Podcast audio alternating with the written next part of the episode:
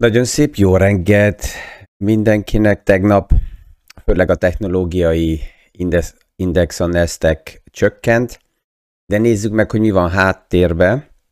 Mit kezdjünk azzal a névvel, hogy Lucid, mit kezdjük azzal a névvel, hogy Churchill Capital. Mit is mondott a tegnap este a Fed?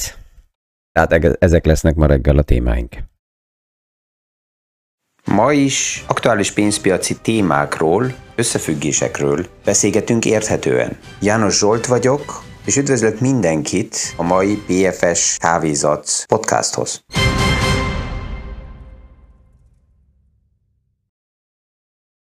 Ha megnézzük, akkor csak hétfőn, ezen a héten,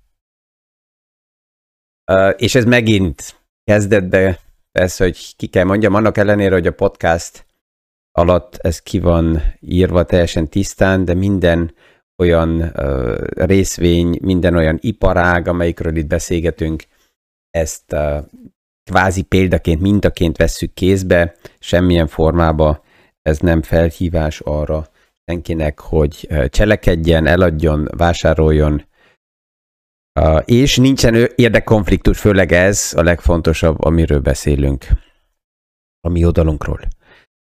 Um, tehát vegyük még egyszer a, a hétfői napot kézbe, Teslát mínusz 8%-kal esett a nagyon nagy, nagyon erősen szárnyaló elektroautósztár, és hogyha csak megnézzük, ez a mínusz 8 százalék, ez volt a legrosszabb napja már hosszú ideje ennek a részvénynek, de ez, ez jellemző az egész iparágra, és erről majd fogunk beszélgetni, hogy mi történik pillanatilag így a technológiai szektorban. Ez a mínusz 8 százalék, ez akkora abszolút árcsökkenés volt, vagy értékcsökkenés oda tőzsdén, mint amekkora volt az összes értéke a Tesla cégnek körülbelül 220 nappal ezelőtt. Tehát még nem egy évvel ezelőtt, amekkora összességében volt a Tesla értéke, akkor át esett egy nap, és alapjában most már mínusz 25, mínusz 30 százaléknál vagyunk a csúcstól, tehát ezek a mozgások, ez hihetetlenek, és mikor van a kérdés, hogy van-e, van-e lufi a piacban, akkor persze lehet azt mondani, hogy ná, ná, itt nincs, nincs lufi, nem látunk lufit. A Tesla mellett egy másik név is megjelent, ugye ezt az elmúlt hetekben többször már említettem, hogy szinte csak ki kell találni bármit, azt, mondta, azt mondani, hogy rád fogom, hogy te elektromos autó vagy, és akkor szárnyal ez a, ez a cég a tőzsdén, ideális esetben valamilyen kombinációba kerül egy specs-el, a specs az, az nem más, mint egy, egy üres um, szerkezet, egy konstrukció, amelyiket a cégre, a tőzsdére visznek azzal a fantáziával, hogy majd azután a specs, ez a, ez a struktúra bevásárol magának know-how-t, és ez, ez, ez, ez, erre lesz a pénz felhasználva. Na, egy ilyen specs, amelyik a tőzsdére ment, ennek a neve Churchill Capital 4, uh, el kell képzelni január 8-án ez a specs, tehát egy üres semmi a tőzsdére ment, uh, 10 dollár árfolyamon, a tegnap előtt már visszaesett egy kicsit, de a csúcsba így február 18-án 58 dollár volt ennek a az értéke a tőzsdén, és ez a SPEX, uh, Churchill Capital elhatározta, hogy ő fuzionál egy elektroautó, um, elektromos autót építő céggel. Hozzá kell mondani, hogy ez a cég, ez még soha egyetlen egy autót nem gyártott le. A neve Lucid, ez a Lucid cég kvázi Teslának konkurenciára szeretne lenni, és annyiba megvan a háttér, hogy a Teslának a másodszámú vezetője, aki elment Teslától, az építi Lucidot fel. Az egész mögött főle egyet lehet látni, amellett, hogy még nem gyártott egyetlen egy autót sem ez a Lucid, amellett a marketing sztoriát húzza, és a mesekönyv az minden nap nyitva van, mint Elon Musk oldaláról is, tehát ezt a nagymestertől úgy tűnik, hogy megtanulta, hogy ki lehet állni és hantázni a tőzsdének. Lucid azt tervezi, tehát, hogy becsatlakozik a Churchill Capitalbe, és ezen keresztül gyorsabban a tőzsdére megy. Tehát a háttérben ilyen fúziók is kezdenek kialakulni, hogy a specsek, és eznek a száma nagyon megnövekedett az elmúlt hónapokban és években, erről már többször beszéltünk, a spexekbe próbálnak bebújni cégek, és azt mondják, hogy oké, okay, akkor ezen keresztül mi nem kell csináljunk egy IPO-t, mi nem kell nyilvánosságba kivigyük a számainkat, nem kell bemutassuk a tőzsdének, hogy mi milyenek vagyunk, hanem uh, mi egyszerűen bebúj, bebújjunk egy ilyen uh, specs esernyő alá, és ezen keresztül kacsing, ott vagyunk a tőzsdén. A tegnap Churchill Capitalnak az árfolyama 40%-kal csökkent. Ez miért volt? Hát mert változnak el meg a paraméterek, beszéltünk többször szektorrotáció eh, lehetőségekről. Itt most az, els, el, el, az első két nap, hétfőn és kedden így lehetett körülbelül sejteni, hogy mit jelent a szektorrotáció. Tehát, hogyha azok az iparágak, amelyek egyszerűen csak szárnyaltak az elmúlt év folyamán, mert um, csak az volt keresve, hogy a, a, a pandémia, amit megállított, amellett milyen iparág van, ebben megmaradt a tech szektor, tehát nagyon erős fókusszal, koncentrációval, a tegnap már beszéltünk, hogy milyen szárnyalásokkal lettek felfelelőve a technológiai szektorba egyes cég, és um, 40%-kal csökkent a Churchill. Uh, na most, hogyha megnézzük, akkor ez a fúzió, amit itt tervezve van, Lucid olyan körülbelül 12 milliárd értékkel megy be Churchill Capitalbe. Ez honnan van ez az érték? Hát ebben nagyon sok a fantázia és a satszolás, hogy mekkora az a technológiai know-how, amit Lucid bevisz. Tehát ez még nem a piac állapította meg, hanem ez még könyvelők, ötletvizsgálók, ezekről az oldalról van megítélve, 12 milliárd. Az a privát tőkét, amit eddig összeszedtek, ez pillanatilag duplán értékeli Lucidot, tehát 24 milliárd az, amit um, um, az a véleményük, hogy ennyit ér. Uh, Lucid Capital, és a csökkenés előtt, tehát hétfőn, vagy a múlt hét végén Churchill Capitalnek 92 milliárd volt az értéke a tőzsdén, azért, mert Lucidot meg fogja venni. Tehát itt látjuk, hogy így, hogy turbózódnak a dollárok, anélkül, hogy egyáltalán valami történt volna, kvázi a normális ember áll a piac előtt, és dörzsöli csak a szemét, hogy what? Mit is nézek? Egy specs, és ebből felfújjuk 92 milliárdra, a tegnap előtti 40% csökkenés után még mindig 57 milliárd, a Churchill Capitalnek az értéke, és itt egy kicsit belenézünk abba is, hogy melyik iparágban van Churchill benne, hogyha ezt összehasonlítsuk például más autógyártó cégekkel, akkor hétfőn még Churchill így a harmadik, nem, a negyedik legnagyobb lett volna, így a tőzsdei kapitalizáció oldaláról nézve, Toyota, Volkswagen és a BYD után, de Daimler előtt, NIO előtt, GM előtt. A csökkenés után az 57 milliárddal még mindig BMW előtt van, Honda előtt van, Hyundai előtt van, Ford előtt van, és kell mondjuk, egyetlen egy autót még nem gyártott le. És, és mégis miért van? Hát ja, de mikor ilyen a hangulat, mi, ami most van, hogy nincs kamat, ömlik a likviditás, keresi a tőke a lehetőségeket, alacsonyok a, a, az államkötvényeknek a kamatjai, Persze, most már kezdik megközelíteni azt a szintet, és ezt látjuk, hogy, hogy hol lesz az a szint, ami, ami um,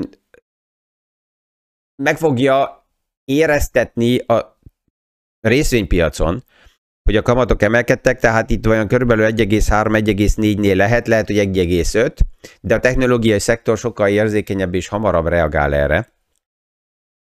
Na most hogyha összehasonlítjuk ezt itt, ugye ez nem egy, egy reális kép, miért? Hát azért, mert azért almát almával kellene összehasonlítani, ehhez a Lucidot össze kellene hasonlítjuk például a Fiska autogyártóval. Ő is elektromos autót gyárt, um, um, érdekes, mert pont mikor uh, uh, néha Budapesten járok, akkor ott áll egy Fiska egy bizonyos helyen, ő mindig ott áll, hogy ezt a parkolóhelyet ő miért kapja mindig meg, ez, ez érdekes, ez mert mindig feltettem a kérdést. Lehet, hogy nem is mozgatják onnan. De mindegy. Um, hogyha kettőt összehasonlítom, akkor 2025-re mind a ketten prognosztizálnak forgalmat, 2025-re. Aktuálisan szinte nullán van mind a kettő. A Fiska 13 milliárdot prognosztizál 2025-re, Lucid um, 14 milliárdot. Hozzá kell mondjuk, 2025-re Lucid prognosztizál 20, 14 milliárd forgalmat, az a specs, amelyikbe beszeretne menni, amelyikbe bele fog fuzionálni, az hétfőn 90 92 milliárd volt. Ja? Tehát hihetetlen, hogy mekkora lufi számok vannak belegyúrva így a piacba. Um, és az érdekes az, hogy ezzel a csökkenéssel is, ami megtörtént most, az 57 milliárdra, ezzel Lucid még mindig tízszer akkora, mint Fiska. Mind a ketten kvázi a nullából indulnak, az egyik csendesebb, a másik nagyon hangos, és szórja a mesét a, a piacoknak, és 2025-re mind a ketten ugyanazt a forgalmat prognosztizálták szinte plusz-minusz. 26-ra Fiska nem mond semmit, Lucid persze mond, és azt mondja, hogy ó, mi 26-ra, erről a 14-ről már biztos, hogy felmegyünk 23 milliárdra. De még egyetlen egy autót sem gyártottak le. Na ja, tehát ez az, ami, ami így érdekes sztori a háttérben, és látjuk, hogy uh, milyen fura uh, irányba fordul a likviditás, és ez a hangulat, ez, ez az aktuális hangulat, ami főleg arra van felépítve, hogy konzervatív befektetők is kezdenek azzal a gondolattal uh, foglalkozni, hogy ne já, egy kicsit azért játszani, ez nem lenne baj. Um, ez még ugye így a kezdete lehet, um, majd akkor lesz érdekes, mikor mikor azok, akik konzervatívak, felrugnak mindent, és azt mondják, hogy ké, fejezzük be ezt a 6-7 százalékos össze-vissza lassú um, uh, portfóliókezelést, all in, mert úgyis minden csak fog menni felfele. Na ja, tegnap a piac nagyon várt arra, hogy mit fog mondani Powell, és mennyire fog arra reagálni, hogy az elmúlt napokban ugye a, rentab, a, a, a, a, a kamatgörbe az ment felfele, ez itt um, ugye már egyszer megnéztük, hogy a kamatgörbe ugrott így nagyságrendileg körülbelül 13-14 százalékkal a mélypontokról, és hogy ez mit jelent a piacnak, és milyen irányba megy a kamatgörbe további fejlődése. Egy látható az az, hogy ez a, ez a kamat emelkedés, ez még egyelőre, hogyha historikusan megnézzük, hogy mi történt recesszió után, 89-be, 2000-be, 2006-ba, hogy alakultak akkor a kamat görbék, amikor a gazdaság újra lábra állt, akkor ebből azt látjuk, hogy egyelőre itt ebbe a grafikában, ami ugye a podcastban most nem annyira látható, de alapjában a csártban azt látjuk, hogy ez az aktuális kamatgörbe emelkedése még a normális átlagban van, és hogy a gazdaság tovább helyre áll, akkor ennek a normalizációja mehetne ebbe az irányba tovább, anélkül, hogy ez még nagyon-nagyon különleges fejlődésekre utalna.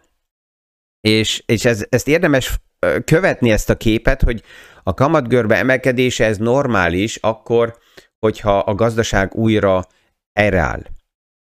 A tegnap ugye hallgatta a világ, hogy mit fog mondani Powell a kamatokkal kapcsolatban. Ma is lesz még egyszer ugye egy meghallgatása, és az első gondolat esetleg az volt, hogy hasonlóan, mint Christine Lagarde, ő hétfőn megjel, kilépett a színpadra, és azt mondta, hogy az Európai Központi Bank figyeli minden esetre, hogy mi történik a, az államkötvényeknél a, a hozamgörbével, és ha szükséges, akkor akár fel fog lépni az Európai Központi Bank. Tehát bebedarf, tehát ha szükséges, és nagyon elmegy olyan irányokba, ami nem megfelelő, akkor belép a, az Európai Központi Bank.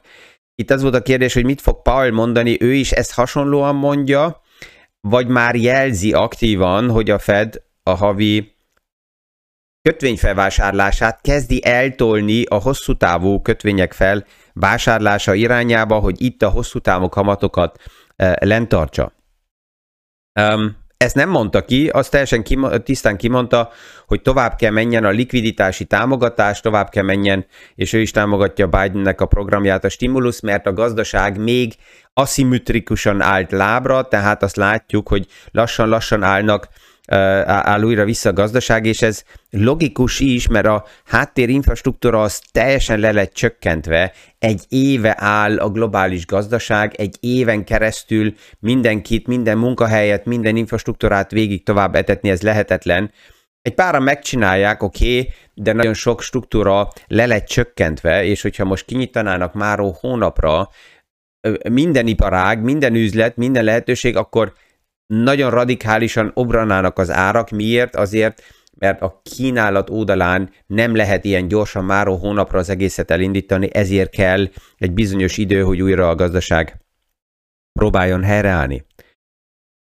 Na most pont ez, amit mondott uh, Powell, hogy uh, véleménye szerint még a likviditás meg fog tovább maradni, ez arra kényszerít, hogy megnézzük, hogy hogy néz ki az elmúlt évtizedekkel az összehasonlítás, hogyha a kamat görbe menne tovább felfele, akkor ennek milyen kihatása tud lenni a tőkepiacokra, főleg a tőzsdére, és uh, Julian Robert, uh, uh, Julian um, Bridges, um, aki nagyon jó um, elemző, tegnap felmutatott egy olyan összehasonlítást, ami ugye érdekes 2000-rel, hogyha megnézzük, hogy 2000-ben uh, mi történt az árfolyamokkal, és amit itt látunk, ez egy ilyen előjelző indikátor a Nestek oldaláról, amelyik azt mutatja, hogy a Nestek, hogyha összehasonlítva a Standard Poor's indexel, nagyon-nagyon erősen elszárnyalt, akkor mikor indult el, és milyen dinamikába egy ilyen szektorrotáció. És eh, hogyha ezt így megnézzük, akkor az előre jelző jelek ugye már egy jó ideje hasonlóak, mint amit 2000-ben láttunk, de, és ő is hozzá mondja, hogy a paraméterekben van egy nagyon nagy különbség, ami, ami elég lényeges, tehát amit nem szabad elfelejtsünk, hogy 2000-ben az egyik a kamatszint volt. A kamatok sokkal magasabb szinten voltak, mint most. És a második, ami lényeges volt, és ezért figyel annyira a tőkepiac a központi bankokra. 2000-ben a központi bankok mindenik, az egésznek az élén a Fed meggyorsította a technológiai lufinak a kipukkadását azzal, hogy kamatokat ott nem csökkentettek, hanem magasan hagytak, és részbe kamatokat emeltek. És ez olyan volt, mint egy, mint egy, egy um, um, Ja, olaj, olaj a tűzbe, mert igaz volt az, hogy lufi van, és a kamat emeléssel a likviditást kivenni a piacból, de ez ott nagyon megerősítette, és ez, ez az a jel, amit most látunk, hogy likviditás van a piacba, alakulnak ki lufik, de egyelőre a központi bankok nem azzal reagálnak, hogy kiveszik a likviditást, hanem további likviditást adnak a piacba.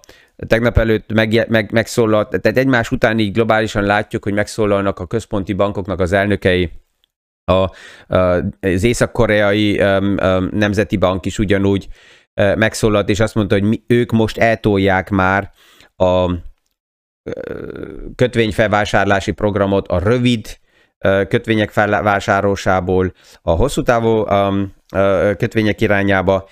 A Bank of England egyik új igazgatója, 47 éves, kiment a kirakatba, és azt mondta, hogy ő úgy érzi, hogy az ő életébe olyan szintű kamatokat, mint ami 2007-2008-ban volt, nem nagyon fogunk látni, ez nagyon sok embernek kvázi nyugtatós, azt mondják, hogy ó, a nagy szakemberek azt mondják, hogy a, a kamatok nem fognak menni felfele. Én itt csak mindig emlékeztetek, és nem azt mondom, hogy nincs igazuk, azt sem mondom, hogy igazuk van, de érdemes minden szakembernek a véleményét nagyon-nagyon kritikusan és óvatosan megnézni.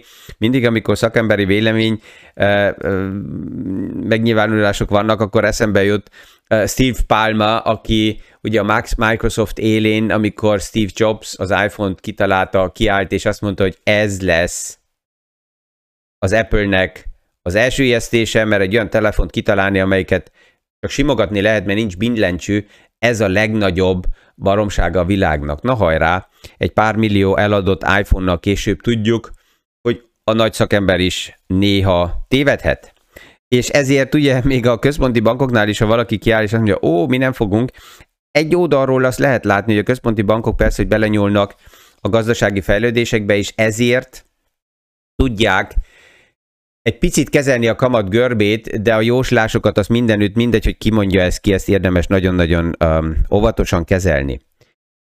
Most, hogyha visszamegyünk ugye a kamatgörbéhez, akkor egy komplexebb um, uh, uh, chart van, Nordea Macrobont nagyon jó elemzéseket állít ebből a szemszögből össze, és ezt, hogyha csak röviden megnézzük, és ez most azért jó, mert a, a podcastnak is ezt le kell fordítsam, az egyik oldalról uh, van itt egy világos kék görbe, ami azt mutatja, hogy milyen arányba fejlődnek a, a KGV, tehát a nyereség árfolyam aránya a Standard Poor's Indexnek az következő 12 hónapra előtekintve. Tehát ez azt jelenti, hogy a piac pillanatnyilag azt várja el, hogy magas szinten maradnak az aktuális árfolyam nyereség arányok, tehát hogy hányszorosát kell az aktuális nyereségnek az átlagpiacban megfizessünk. Ez olyan körülbelül 21-22-nél ingadozik, egy picit visszajött 2020 közepe óta. Miért? Hát azért, mert az árfolyamok, mivel emelkedtek, és azért a cégek is a nyereségeket is utána húzták, ezért ez megmarad elég magas arányba. Magasabb volt akkor, amikor még nem tudtuk, hogy a nyereségek magasabbak lesznek, de, és ezért ugye a, a, az aktuális árfolyamba többször bele lehet tenni a cégnek az éves nyereségét. Ehhez képest rajta van egy második grafika, amelyik a kamatokat és az infláció elvárást mutatja, de ez egy inverse, tehát egy fordított, egy fordított, felreállított uh, uh, görbe, és ez azt mutatja, hogy mennyibe kerül a pénz, hogyha ma fel akarok venni hitelt.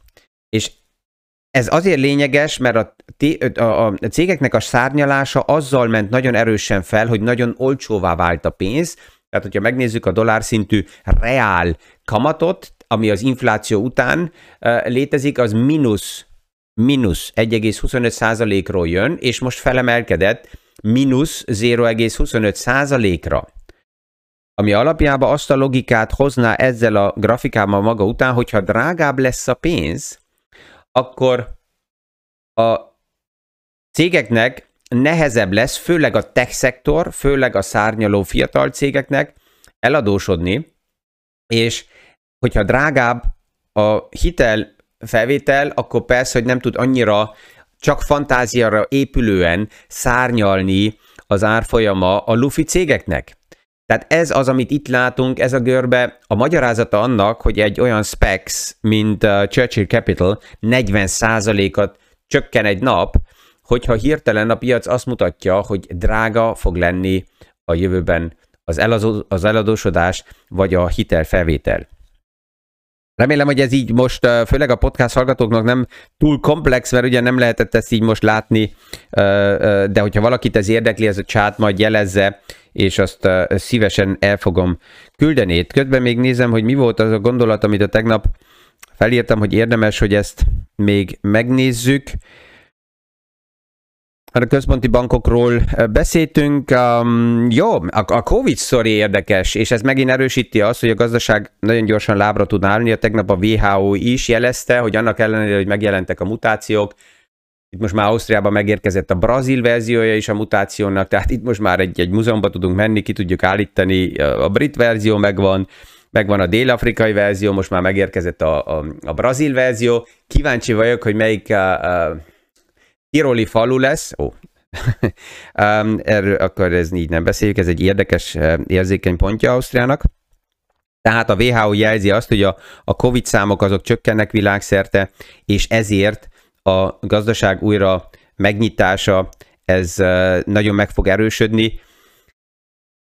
Amerikai jellemzők megemelték megint a számokat 2020-ra, az amerikai gazdaság most már a legoptimistább elemzőknél eleinte az volt a jel, hogy 6%-kal fog az idén növekedni, aztán megemelték 7%-ra, és a tegnap 8,2%-ra hihetetlen ez a szám, tehát hogy ezt megnézzük, akkor ezt még Kínából se hittük el az elmúlt években, de ebből lehet látni, hogy mekkora a dinamikája a, a, a piac megnyitásnak, és tovább is a tegnap előtt Johnson ki ment a kirakatba, és azt mondta, hogy oké, okay, hogy fogjuk megnyitani Angliát, erre fel mi történt. Az angolok elkezdtek uh, utazási irodákba uh, rontani, repülőtársaságokat megtámadni, és jegyeket lefoglalni, és azt mondták, juhú, akkor mennyibe kerül a világ, a nyáron megyünk, utazunk. Tehát ebből sejtjük azt, hogy a kuktába mekkora a nyomás, a költekezésre, a mozgásra és a lehetőségre, hogy menjünk tovább. És a spec story zajlik tovább, WeWork, még egyszer nevezzük meg, a, mondjuk ki a nevét, WeWork, az a híres cégünk, amelyik ugye az Office témakörbe uh, jött létre, mint startup. Um, Softbank a fő tulajdonos, és fel volt hype valahol 60 milliárd dollár szintre, hogy a tőzsdére fog menni, azért, hogy aztán nagy hasásése 3 milliárd dollárral Softbank teljesen átvegye tőzsdére menetel előtt, és a tegnap megjelent a hír, hogy uh, WeWork tervezi, hogy tőzsdére menjen, hogy? Hát persze, egy specs keresztül. A Softbanknek a zsebébe uh, rengeteg specs van, most már csak azt kell megnézni, hogy melyiket vesszük honnan, hogy csomagoljuk össze, és ki a portékát a piacra, tehát lehet hajtani a malacokat addig, amíg mindent, ezek már nem is malacok, hanem olyan jó, hogy mondják, ilyen hízolt, uh, hízlalt disznók, amit végig lehet hajtani a főtéren, a, a piac felvásárol mindent. Ezzel remélem, hogy a mai nap is sikerült egy pár olyan plusz információt, gondolatot, ötletet adni, ami legalább egy mosolyt provokált az arcokra. Ha igen, akkor ezt lehet lájkolni, lehet megosztani. Jövő héten március 3-a lesz a következő divány beszélgetés, ennek az előkészülése is alakul, arra is nyugodtan lehet jelentkezni, és hát akinek nem csak ezekre van kedve, az direkt a pfspartners.hu oldalon akár egy nyugodt konzultáció beszélgetésre is jelentkezhet. Ezzel ma reggel is elbúcsúzok mindenkitől, kellemes napot, sikeres tárgyalásokat, viszont hallásra a következő podcastig. Ma is aktuális pénzpiaci témákról, összefüggésekről beszélgetünk érthetően. János Zsolt vagyok, és üdvözlök mindenkit a mai PFS Kávézat podcasthoz.